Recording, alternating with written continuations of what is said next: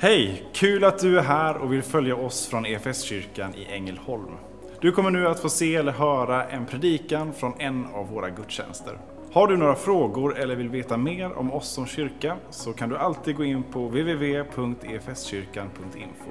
Vill du ha tillgång till mer undervisning eller ta del av våra inspelade konferenser eller gudstjänster gå gärna in på vår Play-kanal, efskyrkan.tv. Nu ska vi lyssna på denna veckas predikan. Kroppsövningar är nyttiga i viss mån, men gudsfruktan är nyttigt på allt sätt, skriver Paulus. Jag tänker att vi kan väl kombinera de två och så ställer vi oss upp och lyssnar till evangelietexten. Johannes skriver så här.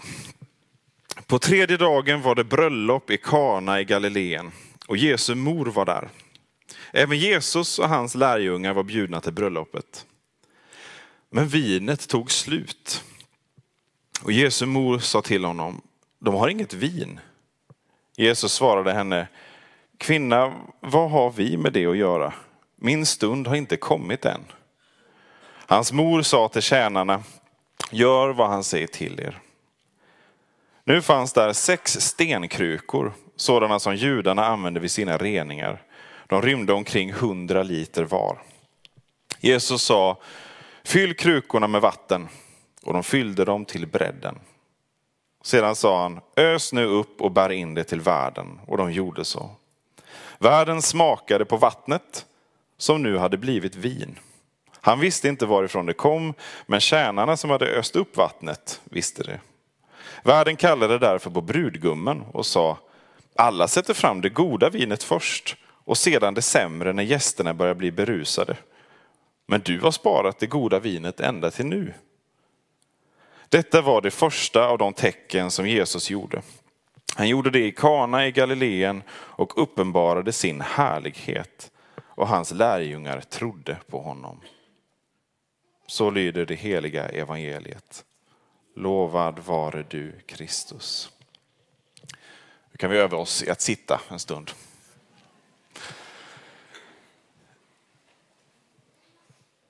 Vi befinner oss i eh, fortfarande i någon form av jultid. Är du julminimalist så kastar du ut julen här eh, igår. Är du julmaximalist så kan du hålla på ända till kyndelsmäss. Och här ligger en bibeltext i kyrkoåret som har legat här eh, sen i princip eh, sen början. Jul eh, är en mycket gammal högtid att fira Jesu födelse och efter det fira Jesu, minnet av Jesu dop och sen bröllopet i Kana. De här liksom har hängt ihop här eh, kring trettondagen. Eh, sen i princip i början. Eh, det blir som någon form av Ja, men han, han föds och sen så snabbspolar vi fram till han döps och börjar sin tjänst och sen så får vi läsa om det första tecknet, det första underverket.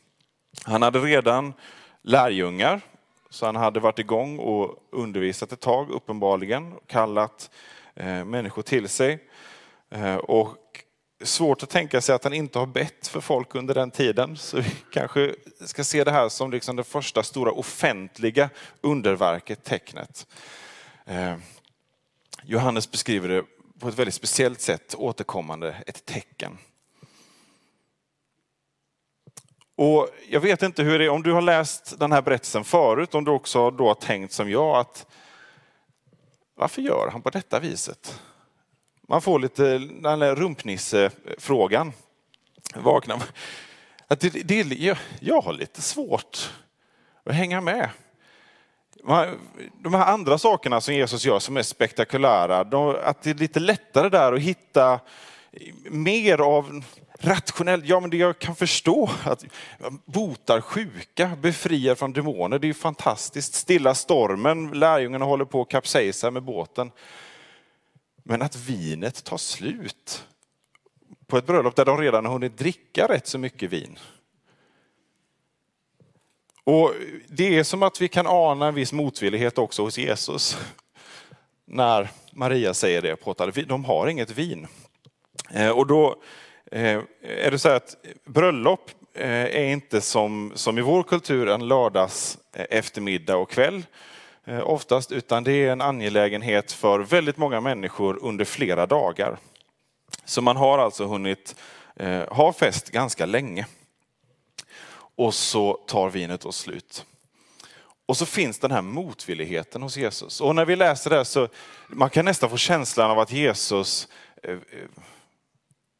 jag ska säga, tillrättavisar kvinna. Vad har det med oss att göra?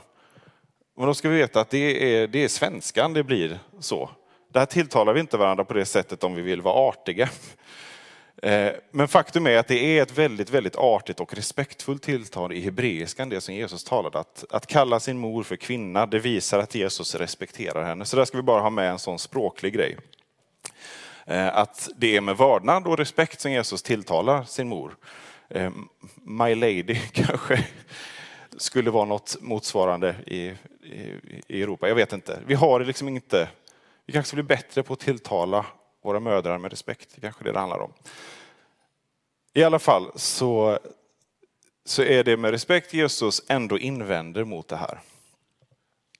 Kära mor, vad, vad rör det mig? Vad, vad har det med oss att göra? Min stund har inte kommit än. Jesus ser någonting stort, i, inte bara i liksom att ingripa och lyssna till människors behov, utan också vad det får för konsekvenser när människor ser vad det är, är som händer. Jesus är fokuserad på min stund. Min stund har ännu inte kommit. Det återkommer han till några gånger och sen når vi fram till den tidpunkt då Jesus talar om att min stund har kommit. Och läser vi evangelierna, de här fyra böckerna som är skrivna av ögonvittnen eller av skrivare som har lyssnat till ögonvittnen, eh, så är, är det liksom en teckning av Jesu liv från början till slut. Men där början av Jesu liv, de första 30 åren är liksom den här biten och sen så sista veckan i Jesu liv, då hans stund har kommit, det utgör Eh, minst halva delen av, av boken i princip. Lidandet, korsfästelsen, att Jesus bjuder in sina lärjungar till en annan måltid och också där dricker vin och talar om det på ett speciellt sätt. Att han sen dör och offrar sitt liv. Inte bara för sina vänner utan för hela mänskligheten. Det är där Jesus har sin blick redan här och nu. Och allt han gör från den här stunden när han nu har kommit ut i tjänst pekar fram mot det här. Och det finns mycket förväntningar i omlopp. Och vi talade om det här om, eh, här om veckan, att det fanns förväntan inte bara bland judarna utan i hela eh, Mellanöstern om att det är någonting på gång. Det ska komma en ny härskare. Så att när Jesus gör saker nu så måste han tänka sig för. Därför att det får konsekvenser. Och flera gånger när han då gör underverk, när han botar människor, så säger han till dem, berätta det inte för någon. För stunden är ännu inte inne. Han vill inte, det är som att han inte vill dra igång en rörelse med helt felaktiga föreställningar om vad det är han har kommit för. Många var rätt sugna på att starta uppror och kasta ut ockupationsmakten till exempel. Men med, trots den här försiktigheten, och motvilligheten så, så är det så också som att Jesu mor känner honom väldigt väl. Hon vet att hennes vädjan för eh, brudgummen, för brudparet, för gästerna ändå kommer att hörsammas. Tänk att ha den tryggheten i sin bön.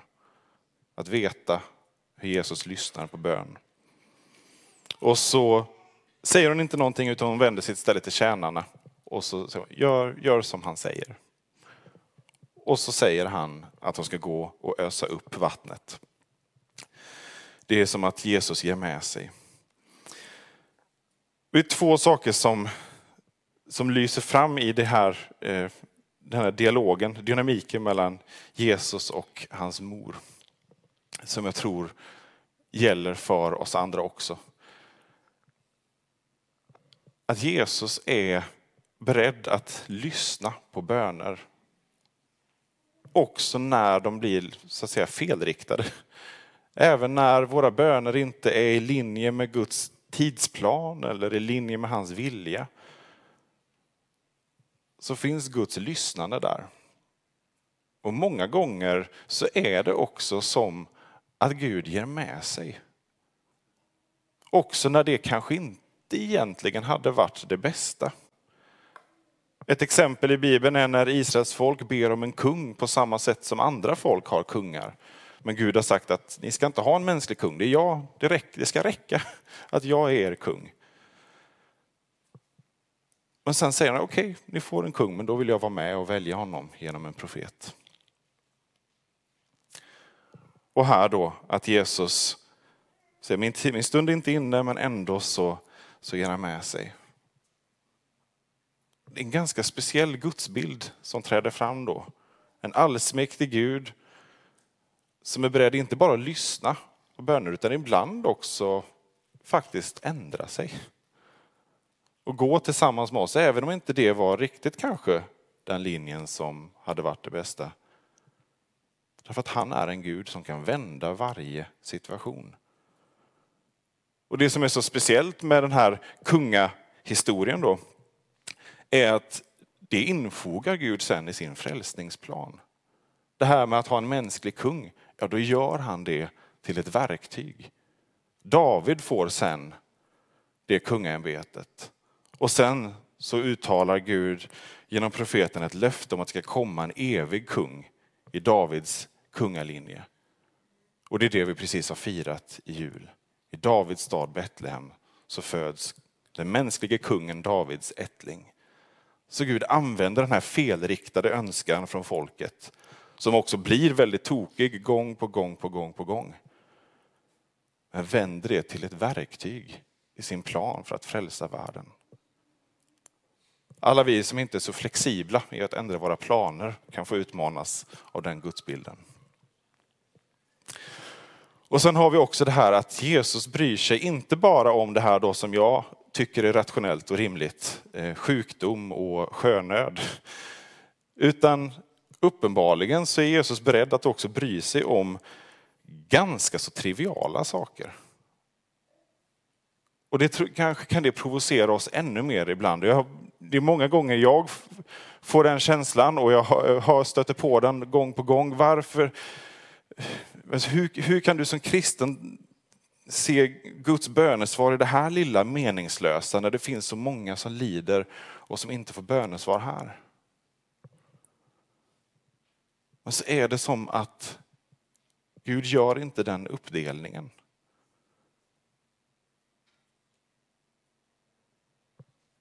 Det är som att han förbehåller sig rätten att välja som allsmäktig Gud om när han griper in och på vilket sätt.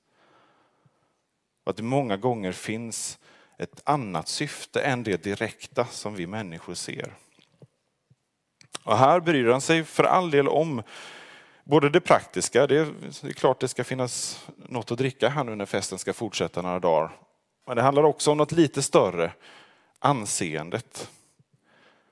Jag vet inte om du har eh, bjudit eh, på tillställning någon gång och så tar det slut och så känslan kring det. Eh, när vi gifte oss så bjöd vi på tårta, tyckte att vi hade tagit i, tagit några extra bitar, men de 20 sista som stod i kön fick dela på någon sån här liten och så stå och skära upp små, små bitar. Och det, det var inte kul.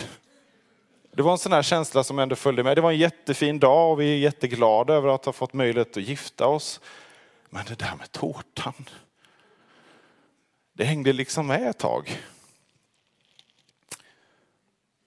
Och då ska vi veta att här rör det sig om ett ännu större här, socialt felsteg, att det inte finns vin. Vin och bröd är grunden i den hebreiska måltiden. Det, ska, det är det som är måltiden.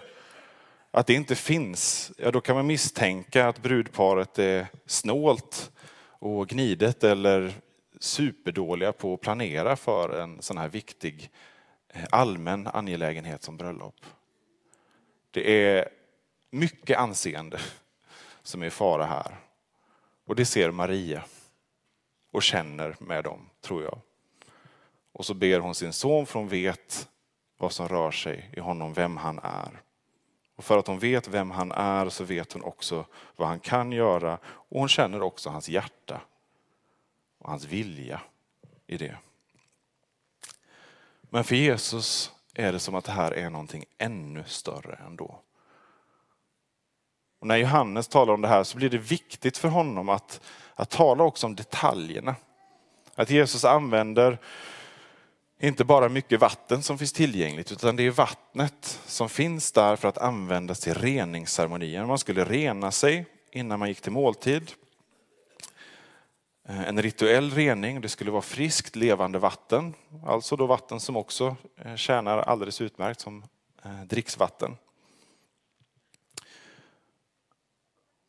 Och så gör Jesus detta och Johannes kallar det för ett tecken och det begreppet använder han bara några gånger i sitt evangelium. Att Jesus visar sin härlighet. Och så får vi den här första förebådandet om vem han verkligen är. Och det är hans lärjungar framför allt som får se det här. Och också de tjänarna som öser upp vattnet. De andra tror bara att det är riktigt bra vin och ett riktigt bjussigt brudpar. Och det kan de ju få tro. Men lärjungarna, tjänarna och vi som läser får reda på att det är någonting annat i görningen. Det visar vem Jesus är. Att det här vattnet som har tänkt för den återkommande reningen för att vara ren inför Gud, det har nu blivit ett överflöd av godaste vin. Det bästa vinet som har förekommit på den här festen i alla fall. Och vi läser återkommande i Bibeln om vin och det finns en, en mängd symbolik i det. Men det finns också sådana krassa, härliga konstaterande. Vin gläder människans hjärta. Och om det är någon gång det gör det så är det ju på ett sånt här tillfälle, den här eh, bröllopsfesten.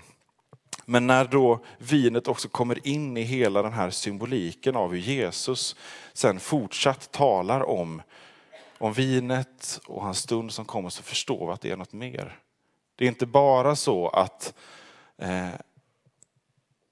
att festen med vin kan bli en trevlig, god tillställning och uppsluppet och bra samtal. Det här vinet som Jesus ger, det som har med Jesus att göra, det gläder hjärtat på ett helt annat sätt. Stenhjärtat som är oförmöget att rena sig själv i tron på Jesus, i mötet med honom byts ut åt ett hjärta av kött och blod. Ett hjärta som vill följa honom trots vår oförmåga. Det här första tecknet som Jesus gör pekar mot det här, det som ska komma. Han börjar intressant nog då med ett bröllop. För det som händer mot tidens slut är ett annat bröllop. Lammets bröllop talas det om. Lammet, ytterligare en symbol för, eh, för Jesus, Guds offerlamm som offras för mänsklighetens skull. Där han också liknas vid en brudgum som vid sin återkomst kommer för att möta sin brud. De som tror på honom, som tillhör honom, som följer honom. Och då är frågan, hur får jag en sån relation till Gud? Det här är någonting annat än en gudsbild där jag bara står ansvarig och mot livets slut ska göra upp räkenskapen och hoppas att mina goda gärningar uppväger och i någon mån överskyller mina onda gärningar. Vi kan försöka leva på det hoppet men Ska vi vara ärliga så vet vi att det, det är rätt illa ställt ibland med min förmåga. Inte bara min förmåga utan också min vilja till det här goda.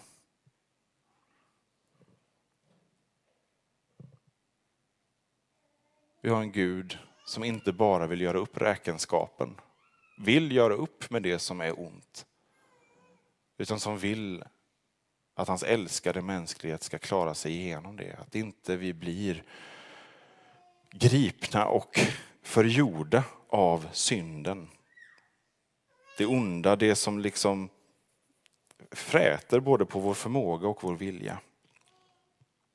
Därför offrar Gud sig själv. Därför blir han människa. Sann Gud och sann människa. Så tar Jesus på sig skulden. Han går till domen, till räkenskapen. Också det talas om som vin. En helt annan sida, en helt annan sorts bägare. Genom Gamla Testamentet talas om Guds dom, hans både sorg och ilska över den fruktansvärda ondska som människan är förmögen till. Och som förtjänar att dömas och som jag tror att vi också innerst inne längtar efter.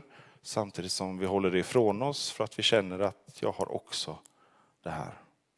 Så talas det om Guds dom som en bägare av skummande vin som man tvingas dricka. Det är inget gott vin. Man dricker det ner till dräggen, alltså till sumpen. Och när Jesus står inför att hans stund har kommit så ber han en bön som är, jag vet inte, det är inte som att Jesus har bett oärliga böner, men det är den mest ärliga bönen, den mest nakna bönen vi ser honom be. Fader, om det är möjligt så låt den här bägaren gå ifrån mig. Men så böjer han sig också och säger, men inte som jag vill utan som du vill. Så Jesus tömmer Guds vredes bägare. Och det vi får istället att dricka är hans eget vin. Och det är långt mycket bättre än vinet på ett bröllop som Jesus har besökt. Det här är vinet som ger tillträde till vårt eget bröllop, vår egen förening med honom. Vi får dricka vin som ger liv, full gemenskap med honom. Johannes berättar senare om ett, Eh, ett annat tillfälle, ett annat under där Jesus ser till att bröd räcker till tusentals människor. Och efter det så tar Jesus tillfället att också tala om det här, både vinet och brödet. De här båda tecknena. Och så säger han att den som inte äter mitt kött och inte dricker mitt blod kan inte ha gemenskap med mig. Låter ju fruktansvärt. Och det tycker också många och lämnar honom vid den stunden, står det. Och senare får lärjungarna sin förklaring vid den sista måltiden, nattvarden. Bägaren är hans blod, brödet är hans kött. Att ha måltidsgemenskap, något av det mest intima man kan ha i den här kulturen. Att bjuda in, dela livet med Jesus. När han talar till Johannes i en syn många år senare i Uppenbarelseboken så säger, säger Jesus att han står vid dörren och bultar. Och om någon öppnar ska jag komma in och hålla måltid. Det är en inbjudan. Att ha gemenskap med honom. Att erkänna honom för den han är att i det också erkänna mitt behov av honom, mitt behov av förlåtelse. Mitt behov av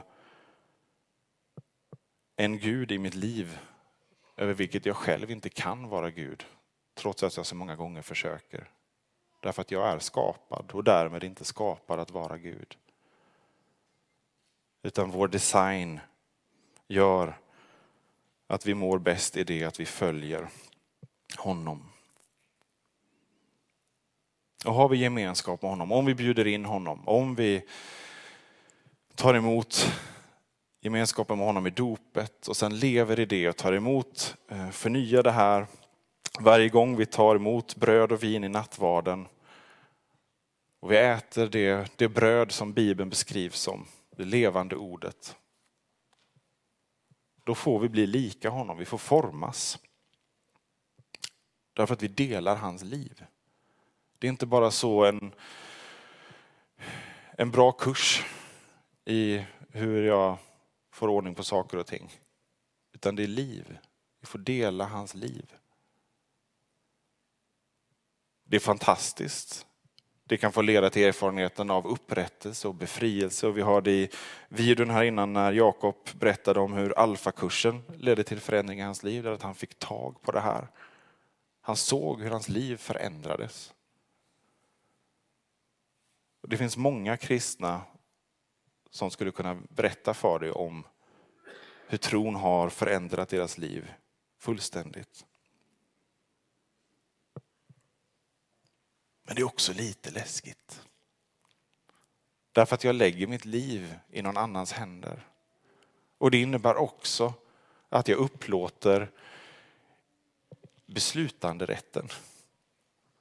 Det är inte längre mitt liv. Jesus har gett sitt liv för oss, ja då ger jag mitt liv i hans händer. Om jag tror att han är den han är,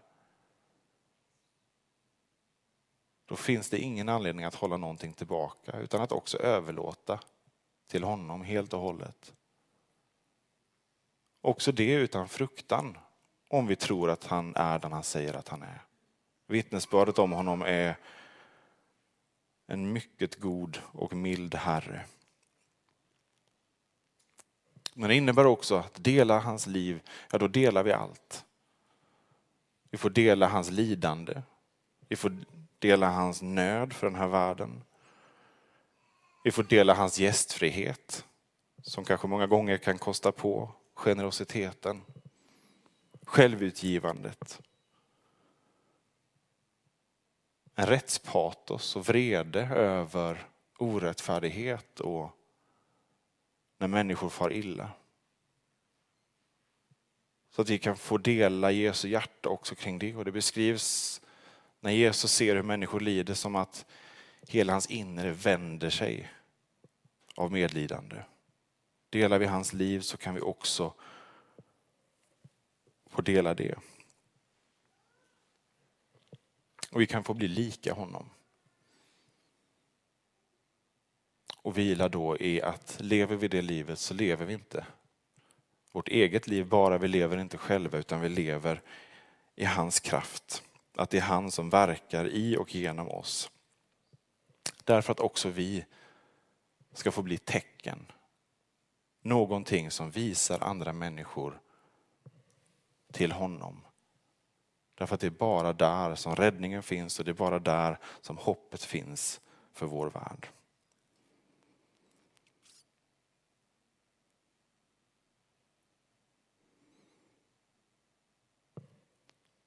Och om vi nu vill bli lika honom, så låt oss då få förenas med honom i nattvarden och låt oss också inför det få lägga av oss allting som inte är från honom. Allt som inte är likt honom. För att sedan förenas tillsammans med honom i livets bröd och i välsignelsens bägare. Låt oss be och bekänna. Som kyrka är det en glädje att få spela en liten roll av allt Gud gör i och genom ditt liv. Vi vill gärna fortsätta följa dig på den resan. Och vill du ta reda på vad ditt nästa steg kan vara på din resa med Gud så gå in på efskyrkan.info nästa steg. Vår längtan är att få se människor och samhällen förvandlade av Jesus. Genom en kyrka som återspeglar Guds hjärta bär varandra och betjänar människor varhelst vi befinner oss varje dag.